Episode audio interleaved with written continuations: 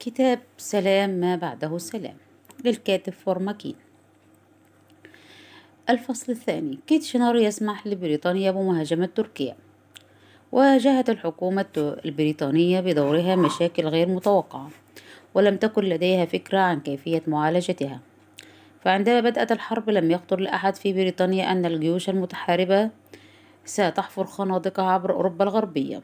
أما وقد حدث ذلك فلم تكن لدى أحد في بريطانيا فكرة عن كيفية اختراق خطوط العدو. ومع انتهاء عام 1914 وبداية عام 1915 ازداد استياء مجلس الوزراء البريطاني من طريقة إدارة الحرب. وبدا أن استراتيجية اللورد كيتشنر القاضية بتركيز كل القوات في أوروبا الغربية لا تعطي أي أمل في النصر في المستقبل المنظور. وكان ديفيد لويد جورج أحذق السياسيين في مجلس الوزراء. هو أبرز الأعضاء المتطلعين إلى مخرج من هذه الحالة. كان لويد جورج أقوى السياسيين في حزب الأحرار وفي مجلس الوزراء بعد أسكويث ولم يكن بالشخص المستعد عن طيبة خاطر للذهاب إلى قعر اليم في سفينة غارقة. فقد كان في المقام الأول شخصا قادرا على النجاة. وستبين بعد ذلك بسنين أنه كان الوزير البريطاني الوحيد الذي نجح في البقاء في مجلس الوزراء منذ نشوب الحرب وحتى نهايتها. أن هذا الساحر السياسي المتوهج والنشط القادم من ويلز كان في زمنه المخطط الاستراتيجي الأول. وبعضهم يقول الانتهاز الأول. وقد كتب أحد معاصري يقول بالنسبة للوي جورج لا سياسة دائمة ولا تعهد نهائيا. إن التواءات سياسته جعلته يطلب التأييد من جماعة ثم يطلبها من جماعة أخرى. بحيث أصبح شهيب شبيها بمن ينتقلون من صهوة حصان إلى صهوة حصان آخر في السيرك. إذا إنه كان مضطرا للقفز من ظهر حصان إلى آخر. وقد عرف بتلونه. حتى أن أحد المعجبين به قال أن الصدق عنده ليس خطا مستقيما بل هو على الأرجح خط منحني. أما هو فقد تحدث عن نفسه قائلا ما آمنت قط بهجوم مجابهة لا في الحرب ولا في السياسة. إذا ما كانت أمامي طريق للالتفاف.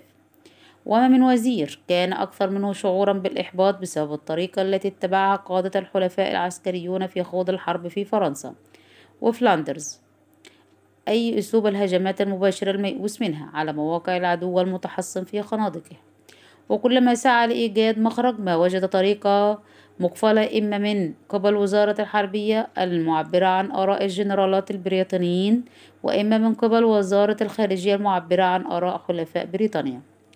كان لويد جورج منذ البداية يتطلع إلى حل في الشرق وكان هو أحد محبذي الدخول في تحالفات مع دول البلقان. ولا سيما مع اليونان من أجل إلحاق الهزيمة بالإمبراطورية العثمانية.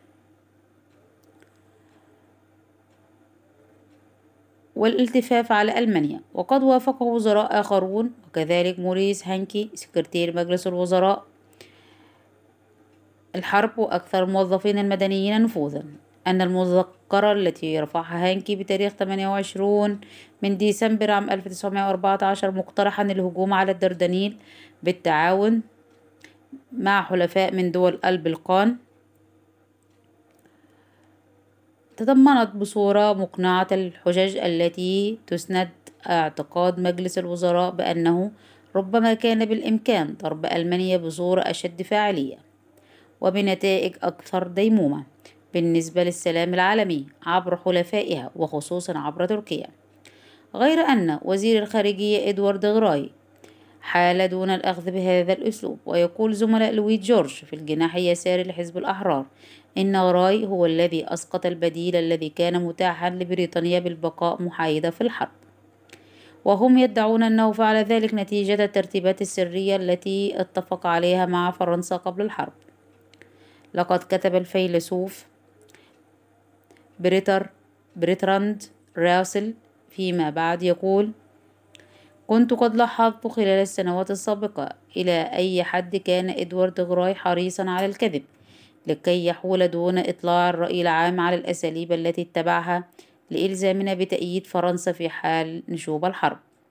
ومرة أخرى كان غراي الذي سبق أن أجرى ترتيبات سرية قبل الحرب مع روسيا بشأن الدردنيل هو الذي أخذ الآن يحاجج قائلا إن مطالب الحلفاء بالحصول على مكاسب إقليمية بعد الحرب إنما تحول دون زج دول البلقان في الحرب. لقد كانت وجهة نظر وزارة الخارجية البريطانية ليس فقط أن التنافس بين بلغاريا وكل من رومانيا واليونان يجعل أي تحالف يضم هذه الدول الثلاث تحالفا غير عملي. بل كانت وجهة نظرها أيضا أن الحصول على مساعدة اليونان من أجل الاستيلاء على القسطنطينية أمر غير مقبول لأنه سيغضب الروس. ومع ذلك كان ثمة اتفاق بين الأميرالية ووزارة الحربية ومجلس الوزراء أنه ليس بالإمكان الاستيلاء على القسطنطينية بواسطة الأسطول البريطاني وحده وأنه لابد من اشتراك جيش في الاستيلاء عليها. فإذا لم يكن مسموحا للجيش اليوناني أو جيش آخر من جيوش دول البلقان أن يقدم المساعدة فلا بد من الاستعانة بالجيش البريطاني. ولكن اللورد كيتشنر ساند قادة الحلفاء في الميدان الذين تمسكوا بعدم نقل أي عدد من الجنود من خنادقهم في الجبهة الغربية حتى يتم كسب الحرب في أوروبا. وعلى الرغم من أن مع الرغم من النظرة المتفائلة التي أبداها قادة الحلفاء في الميدان لم يظهر في الأشهر والسنوات الأولى من الحرب ما يوحي للأعضاء الرئيسيين في مجلس الوزراء أن كسب الحرب على الجبهة الغربية وشيك أو أنه يمكن كسبها. في السابع من تشرين الأول أكتوبر 1914 ذكر أسكويث أن كيتشنر يظن أنه ليس أمرا بعيدا عن الاحتمال أن تصل الجيوش الكبرى المتواجهة ربما خلال بضعة شهور إلى ما يشبه المأزق. وفي نهاية شهر ديسمبر رأى وينستون تشرشل وقد باح بذلك إلى رئيس الوزراء أن ثمة إمكانية ألا تكون لأي من الجانبين القدرة على اختراق خطوط الجانب الآخر في مسرح الحرب الغربي. وفي الوقت نفسه استبعد لويد جورج في مذكرة لزملائه في مجلس الوزراء إمكانية حدوث اختراق على الجبهة الغربية لأن حدوثه مستحيل. لم يعرف التاريخ حالة تشبه حالة حرب الخنادق التي نشأت بنت ساعتها في خريف عام 1914 ومع أن كيتشنر رأى المشكلة بعين بصيرته فقد اعترف أنه لا يرى حلا لها. ذلك أن دول التحالف ودول أوروبا الوسطى حشدت جنودا في خطين متوازيين. من التحصينات التي ما لبثت أن امتدت من المحيط الأطلسي إلى جبال الألب. وبذلك أغلق كل من الجانبين إغلاقا محكما الطريق أمام الجانب الآخر.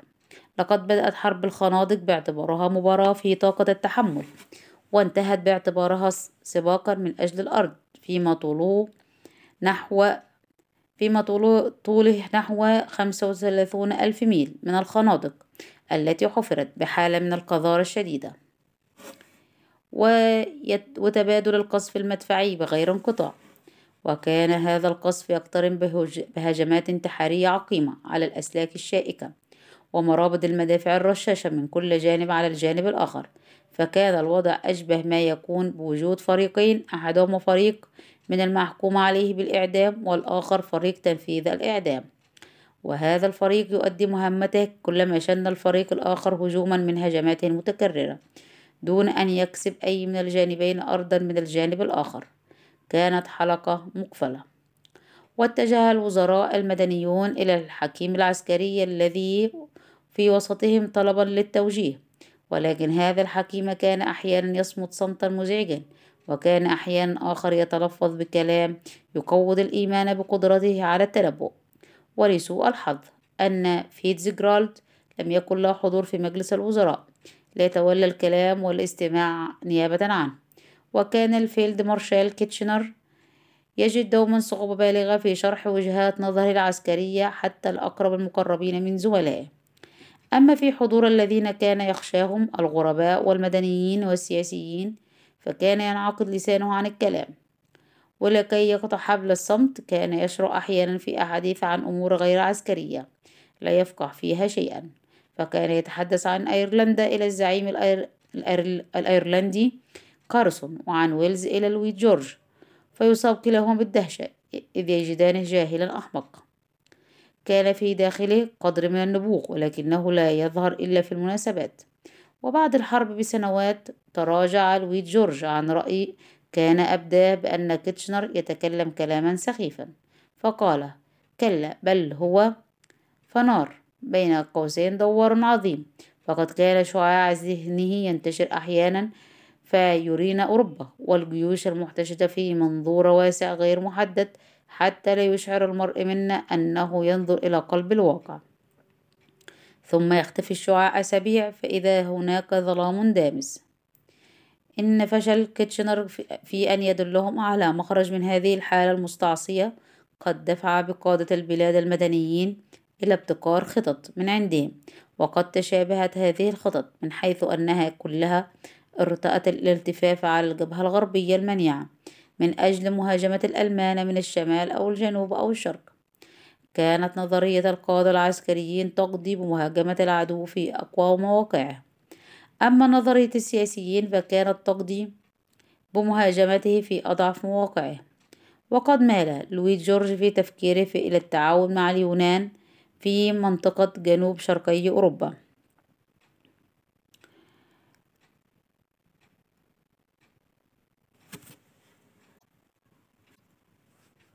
وهي وهي منطقة ضعف. أما تشرشل فقد اقترح بإيحاء من الأميرال اللورد فيشر وكانت تشرشل قد استدعاه بعد تقاعده للخدمة بصفة بصفة لورد البحرية الأول. إنزال قوة على إحدى الجزر في شمال غربي أوروبا. قرب ساحل ألمانيا على بحر البلطيق.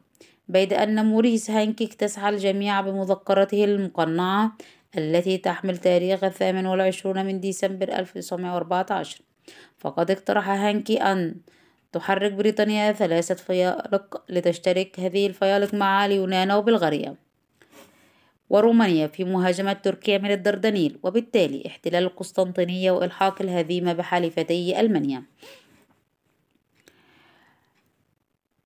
الإمبراطورية العثمانية وإمبراطورية آل هامبسبورغ.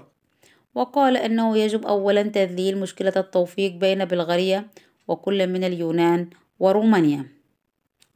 ولكنه أعرب عن اعتقاده بإمكانية ذلك نتيجة لمشاركة الحلفاء العسكرية في الحملة وتقديم ضمانات من الحلفاء. بأن تحصل هذه الدول الثلاث جميعها على حصة عادلة من غنائم النصر. ولدى إطلاع تشرشر على المذكرة قال أنه سبق أنه دعا هو نفسه قبل شهرين إلى هجوم على الدردنيل. ولكن كيتشنر رفض إمداده بالقوة البشرية التي يتطلبها الهجوم وقال أيضا أن القيام بهذا الهجوم في شهر يناير سيكون أصعب مما لو نفذ في شهر نوفمبر. وظل تشرشل في اعتقاده على اعتقاده بأن مشروع بحر البلطيق هو أكثر وعدا بالنجاح.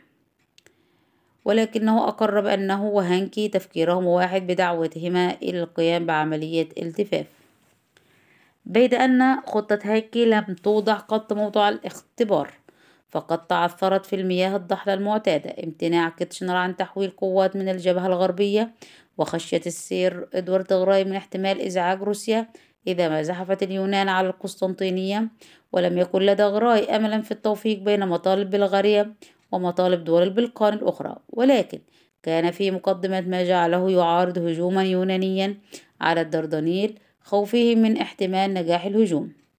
إذ أن اليونانيين إذا ما فتحوا عاصمة إمبراطوريتهم القديمة القسطنطينية إسطنبول عاصمة الإمبراطورية البيزنطينية في أيام عزها فمن غير المحتمل أن يتخلوا عنها. بينما روسيا في رأي غراي لن تسمح لبلد آخر بالاستيلاء على هذه المدينة.